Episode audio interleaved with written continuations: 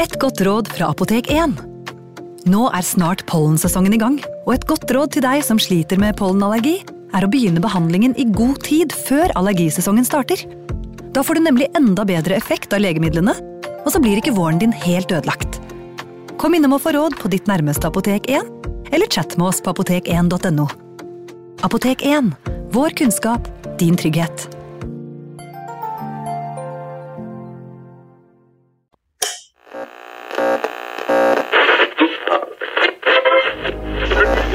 Vi skal gjenta særmeldingen i dag. Nummer én Kjerringa er galen. Nummer to På ski over lyng og kvast. Nummer tre Baklengs inn i aftensangen. Baklengs inn i aftensangen. Vi har kommet til 1943, og vi skal ikke bare reise litt uh, fremover i tid, da, nærmere vår tid, vi skal reise veldig langt, uh, og helt nord i landet. Eirik, ukas historie er, foregår i det ytterste havgap. Ja. Og det er en uh, side av krigen som i hvert fall jeg kjenner mye dårligere enn uh, alt som foregikk i Oslo, eksempel.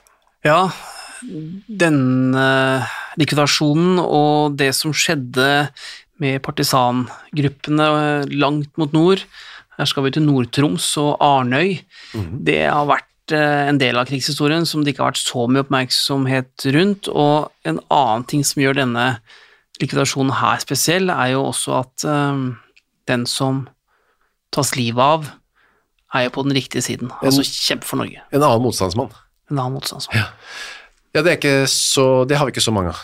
Nei. Um, er en av grunnene til at uh, Det bare regner jeg med, da, men jeg spør likevel. Uh, grunnen til at For dette er jo partisaner, som det ble kalt, de som jobbet sammen med uh, Sovjet. Uh, mens de som på en måte ble sjefen og lederskikkelsen innen um, motstandsmiljøet, særlig etter krigen, og da tenker jeg liksom på i regjering og alt sånt, da, de som styrte på en måte historien, var alliert med fienden til Sovjet, med USA og England. Da.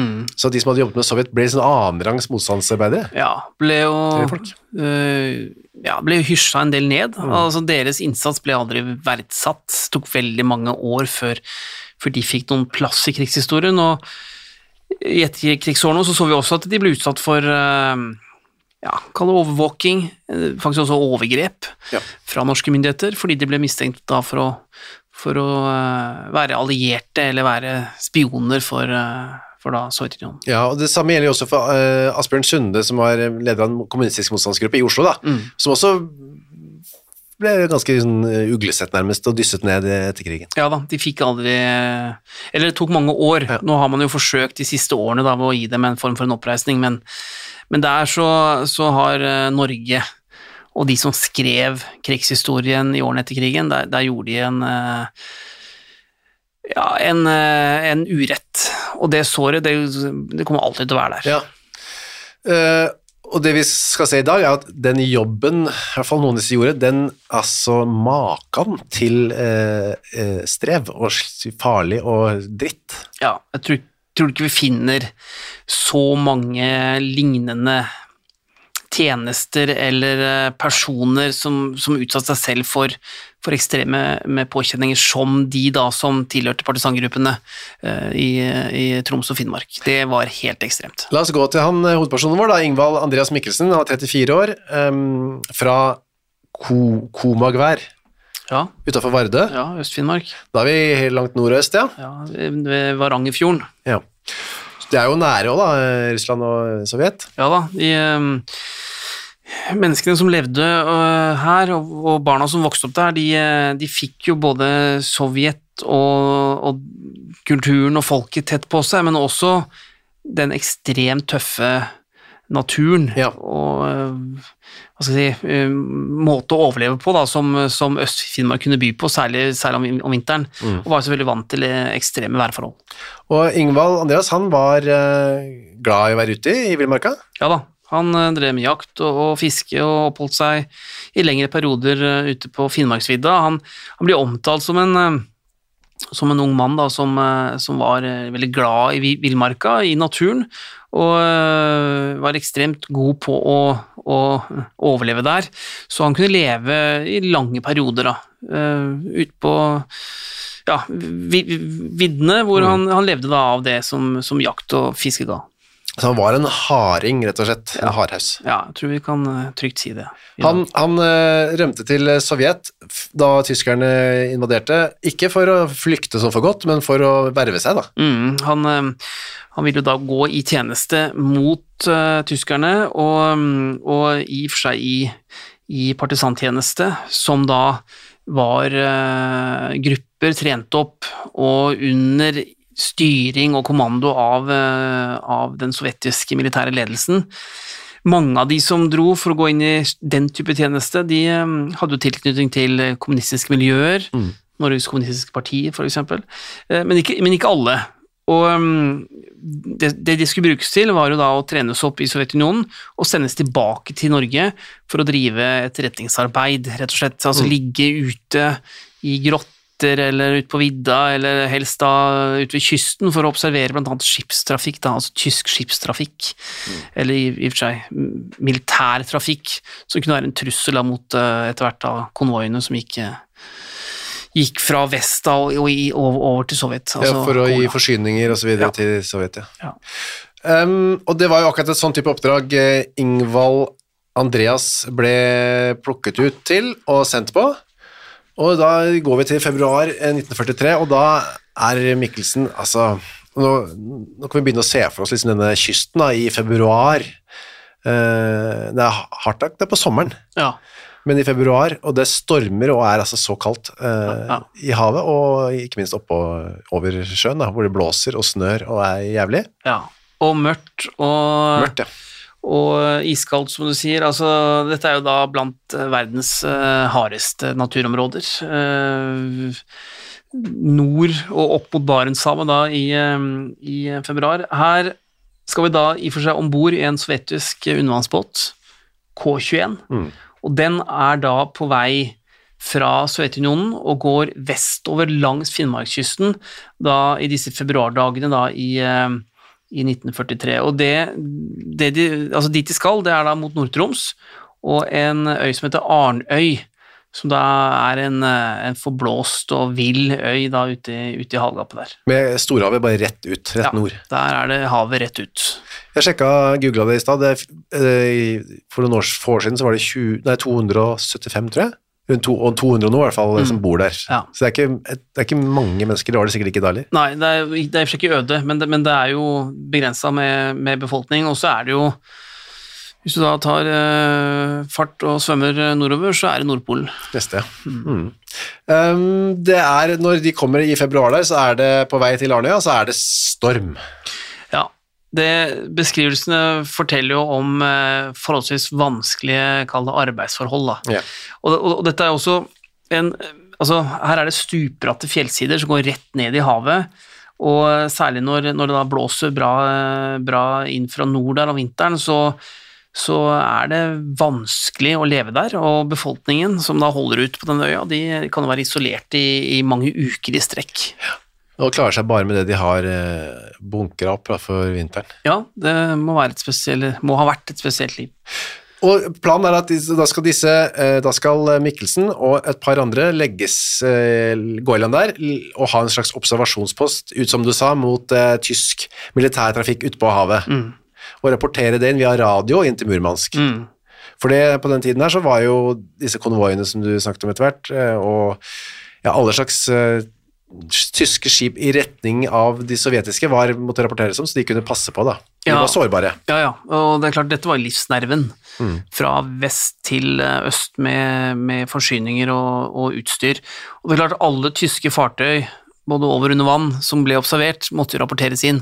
For det var jo selvfølgelig trusler da mot, uh, mot disse militære Eller mot lastekolonnene Mot uh, lastekonvoiene med skip da som gikk østover. Ja.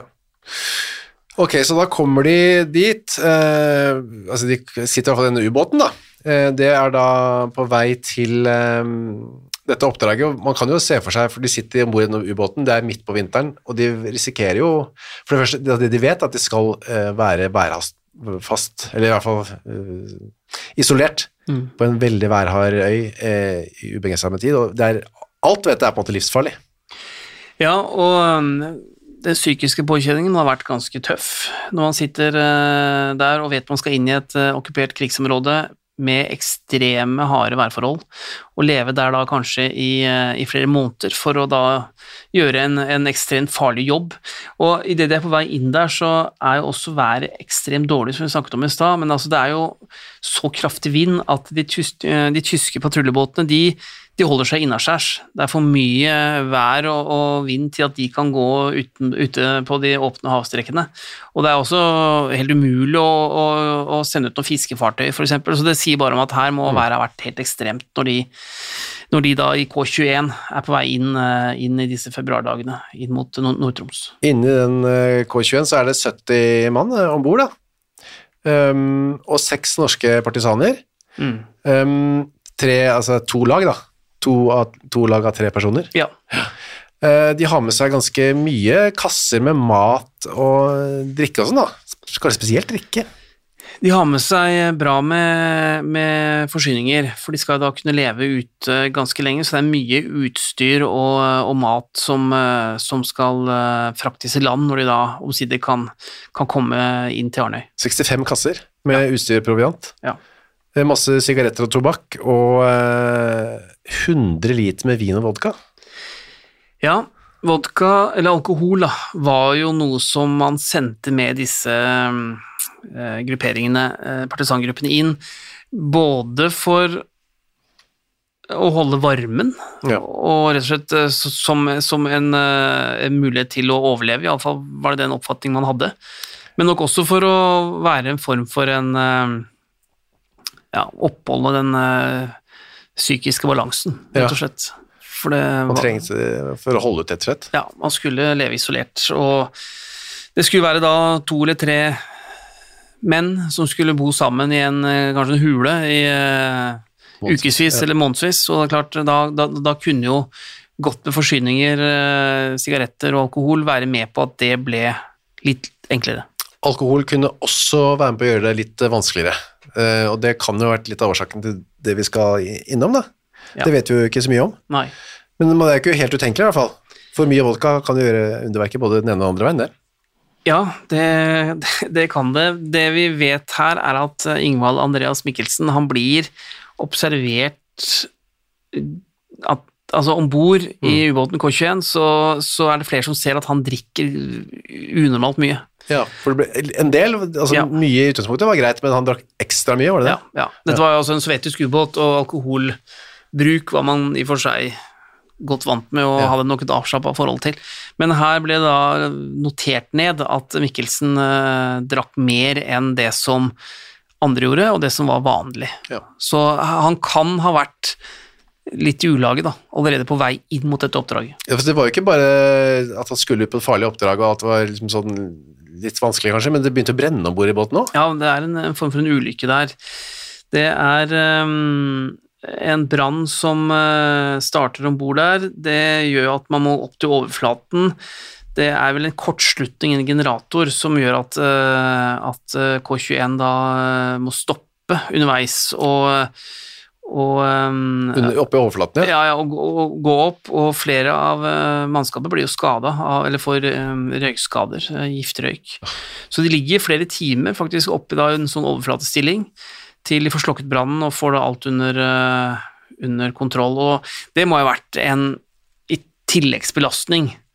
Ikke nok med at du skal ut i storm, og du skal inn til et værhardt eh, Nord-Troms du skal, bo der i flere måneder, i hvert fall i mange uker. Du skal da også få en brann om bord i tillegg.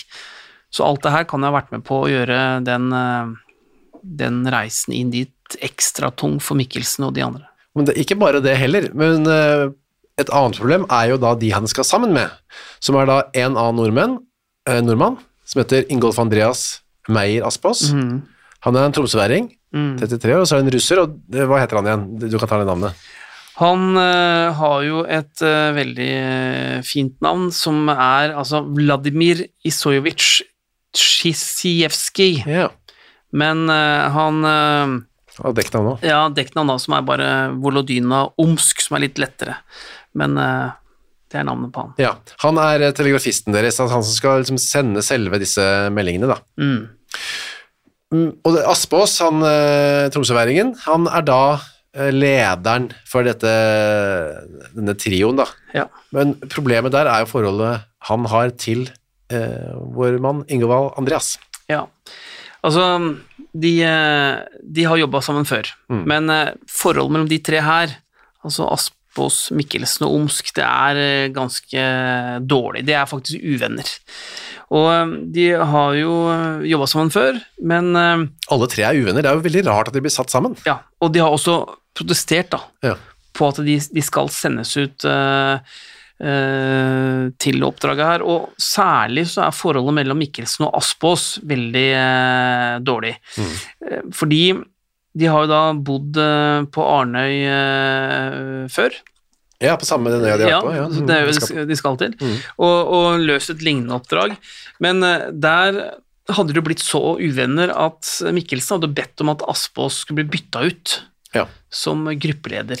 Men eh, det ble jo avslått, og det kan nok være noe av årsaken til at eh, det var eh, nærmest et fiendskap her da, mellom, eh, mellom de to. Ja, så da kan vi bare se for oss, han sitter der og drikker vodka, og det brenner i ubåten, han skal være tre, mange måneder på et sted eh, altså, ingen vil være, Ja, med en person han eh, ja, har et, eh, ser på som en fiende, Ja. nærmest. og som ser sikkert eh, andre veien òg, da. Ja, så utgangspunktet er dårlig her. Et meget dårlig utgangspunkt. Ja. Men de kommer seg eh, til Arnøy, men der er det jo storm da, fremdeles. Ja, og det er, det er veldig vanskelige arbeidsforhold. De greier å få uh, Altså kommer seg nære nok land til at de får, uh, får uh, utstyret inn, uh, inn på land, da. Får uh, rodd i land. Men først må de ligge tre døgn og vente på uværet skal gi seg litt. Ja, og det er, det er fordi det er veldig høye bølger, bølger, det er vind, snøfokk, så de ligger da i ro da, utafor øya og venter egentlig på litt bedre vær. Og etter hvert så roer det seg såpass mye at de klarer å få bakset inn da, de, disse um, kassene og alt dette her, Mm. Og kommer seg utrolig nok da inn på denne øya med gummibåter da. Ja, men de bruker mange timer, Ja. og, eh, og må bruke da gummibåter til å, eh, å, å få alt utstyret inn, og, og de tre da, som skal bo der alene. Mm. Men til slutt så står de der på land, og så tar de hverandre i hånda da. Ja, de ønsker hverandre lykke til iallfall, og det skjer jo da den 20. februar 19, eh, 1943. Så da, og da sies det at da er de edru, og er liksom ganske klare disse tre her. Da, da, liksom, da de skjerpet seg litt. Ja, altså De som blir med ut igjen, altså det russiske mannskapet, de sier jo da at det virker som alle er ganske stødige. Ja. Eh, De er fokusert på oppdraget. Det er ingen som har drukket denne dagen, Nei. så de er alle, alle edru. Og um, virker da i og for seg også som en, som en eh, samkjørt eh, partisangruppe med tre personer, da, som, som gjør eh, de oppgavene de skal for å komme seg raskt på plass, få utstyret i sikkerhet og ikke minst begynne å løse oppdraget sitt. Mm. Det er ikke så lett. Først lager de en liten sånn teltleir, da, de skal bo i telt, ikke sant? Mhm. Er det da ett telt, eller bor de deler i telt? Det virker ut fra beskrivelsen som at de deler et telt, ja. Ja.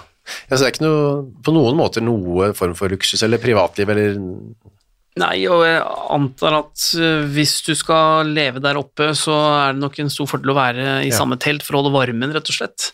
Det er også tryggere, og, men man måtte ha en vaktordning, naturligvis. F- eh, Så, um, så krevende var det nok uansett. Men de, de får iallfall laget seg et ganske lunt oppholdssted etter hvert, Ja. som fungerer ganske, ganske bra, og de har jo god trening i det her, på å kunne leve ute i sånne forhold. Ja da, det har vi jo sett. Da. De er jo ikke uvant med sånne forhold. Men det som skjer, er at eh, altså, så klarer de ikke å få noe radiokontakt, for det er for mye fjell. Denne Tsjivsjevskij klarer Ja. ikke det. Nei, han sliter med å, å komme ut og opprette da kontakt med Murmansk. Så øh, han finner da ut at det er da disse høye fjellene rundt strandområdet da, hvor de har etablert seg, som gjør det eh, vanskelig. Så de må, de må lenger opp i, eh, i høyden for å få det til. Så denne første dagen så mislykkes de da med å oppnå radiokontakt, og, og bestemmer seg da for at de, de må utsette det minst en dag for å Ja. komme seg høyere opp da, for å, for å, for å um, få kontakt med Murmansk. Så da tar de kvelden og kryper ned i soveposene sine. Mm. Ehm, første dag har gått sånn noenlunde greit, i hvert fall. De har fått kommet seg i land og er klar for oppdraget. Ja. Men så slår jo været til uh, igjen, da. Ja, altså de ligger jo her, da. De har, de har jo bra De har sovepose, de har i og for seg nok mat og klær og, som vi snakket om, både sigaretter og vodka og vin. Men uh, været blir verre, så de blir, de blir liggende værfaste, rett og slett. Det er for dårlig vær til at de kan komme seg opp i høyden. Så um, Uh, Og det, det beskrives som at det de blir da utsatt for nå, er i og for seg et kraftig uvær med snø og med veldig med vind. Så, de, så ille at de ikke kan gå utenfor teltet engang. Nei, de ligger her nå i teltet sammen, helt isolert, og må holde seg egentlig helt i ro, for det er for dårlig vær til å, å komme seg ut. Det eneste de kan gjøre, er å drikke og røyke og snakke sammen, da. Ja, Og sove. ja, det er, eh, og de får ikke noe radioforbindelse heller, i og med at de ikke kan gå ut. Og det er da gamle fiender alle sammen, da. Så det er jo Nei, det er ikke noe misunnelsesverdig noe. det er Nei, altså, det er jo, vi snakker om, altså dette uværet varer i tre uker. Ja. Så kan du selv tenke deg, hvis du hadde vært, ligget i telt med noen du ikke tåler tryn på i tre uker, det, I livsfare i storm. med litt vodka innabords. Ja. Nei, det, jeg hadde ikke takla det noe spesielt godt. Det tror jeg ikke. Eh, og det gjør du jo ikke heller, da. Nei, altså, og det er jo her vi ikke vet så veldig mye hva Ja. som egentlig skjer gjennom disse, disse 21 dagene, men det går veldig galt Ehm, på et eller annet tidspunkt eh, mellom de tre her. Og det som Ingolf Andreas Meyer Aspås sa etterpå, Mm. når han skulle forklare seg om det her, det var at Mikkelsen etter hvert ble mm, noe han, Aspås, beskrev som nærmest sånn sinnsforvirret Mm. og at han fikk et mentalt sammenbrudd. Og vi vet ingenting om hva som gikk galt, men eh, etter fire dager så skal da Aspås ha vurdert situasjonen som helt uholdbar. Og han mente også at, eh, at eh, Ingolf Andreas eh, Han mente også at Ingvald Andreas Mikkelsen da ikke var i stand til å utføre oppdraget sitt. At han kunne avsløre dem og sette hele oppdraget i gruppa i fare. Ja, han utgjør en stor sikkerhetsrisiko, Mm. er, det som blir, er det som blir sagt da. Det det han sier etterpå, ja. Ja, og, og også at han sto i fare da, ved å i og for seg avsløre denne partisangruppen, Mm. og sette også alle, alles tres, eh, alle tres liv i, i fare. ja. Hva skulle han se for seg? da? At han bare løp vekk og ropte og skreik og liksom påkalte oppmerksomhet? Ja, sånt, det kan det være, eller at han vil gå til angrep på de to andre, ja. eller gjøre noe annet, altså tenne på telt, eller altså hva som helst da, Mm. som kunne være farlig og føre til en livstruende situasjon for alle tre.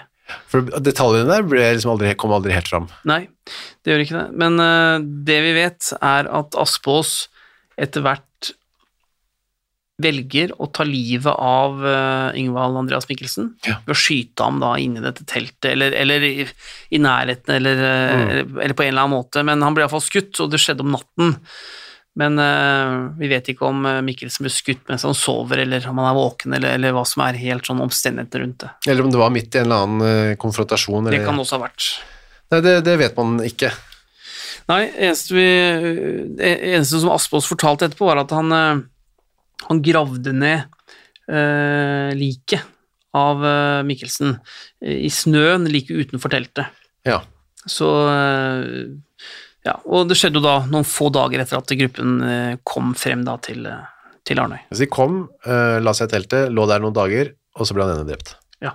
Og så går det flere, eller et par uker, eller to og en halv uke eller noe sånt nå. Og så roer dette været seg ned da.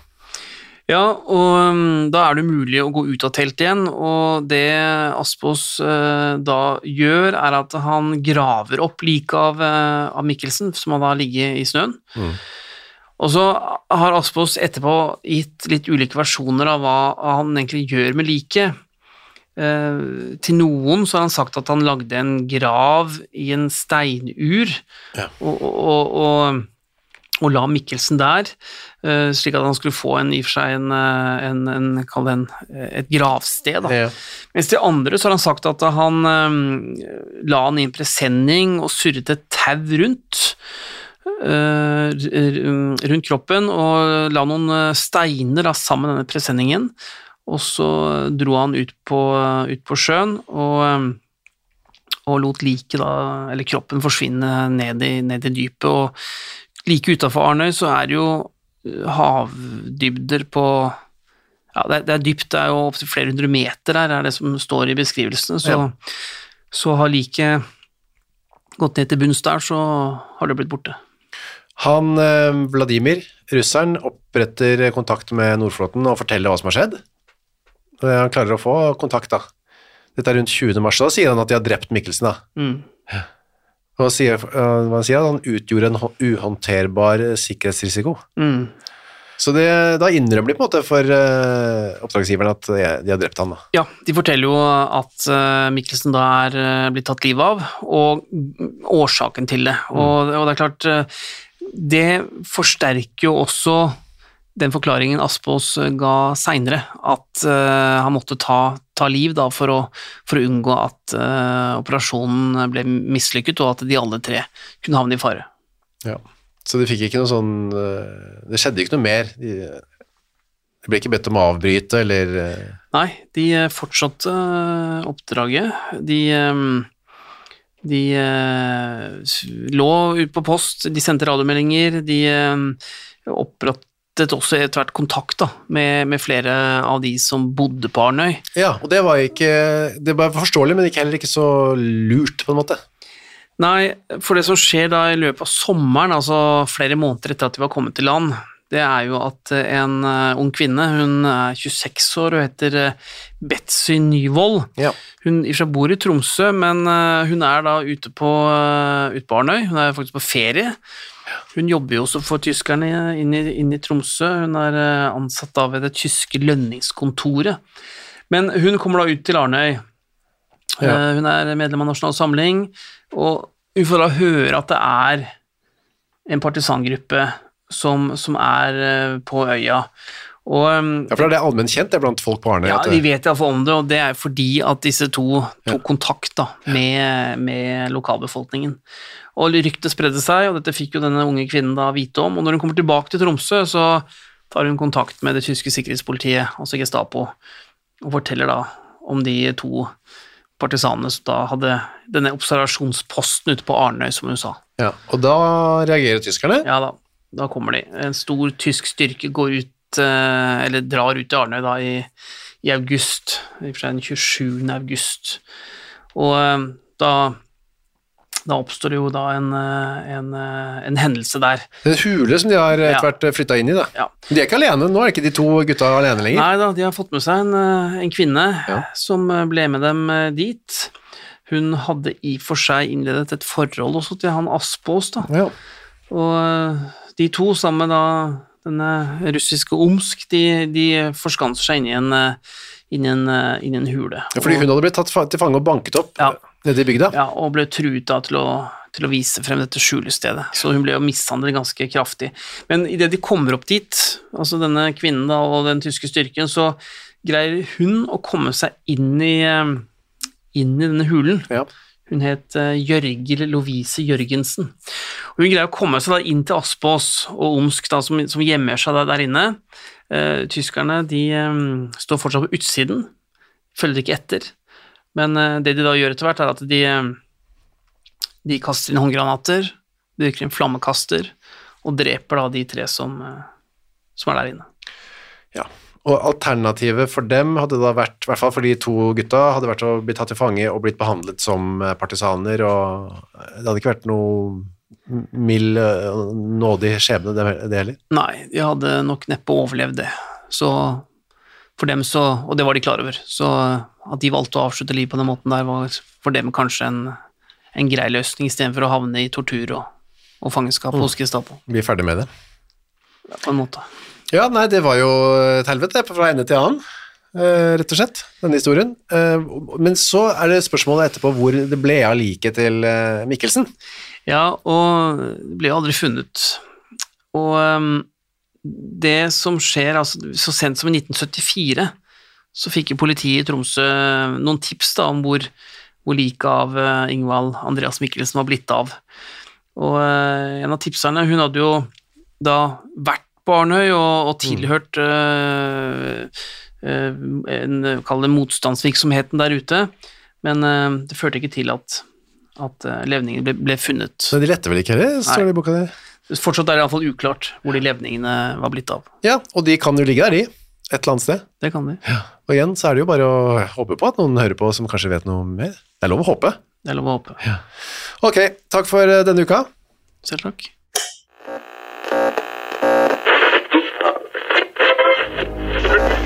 Vi skal gjenta særmeldingen i dag. Nummer én Kjerringa er galen. Nummer to På ski over lyng og kvast. Nummer tre Baklengs inn i aftensangen. Baklengs inn i aftensangen.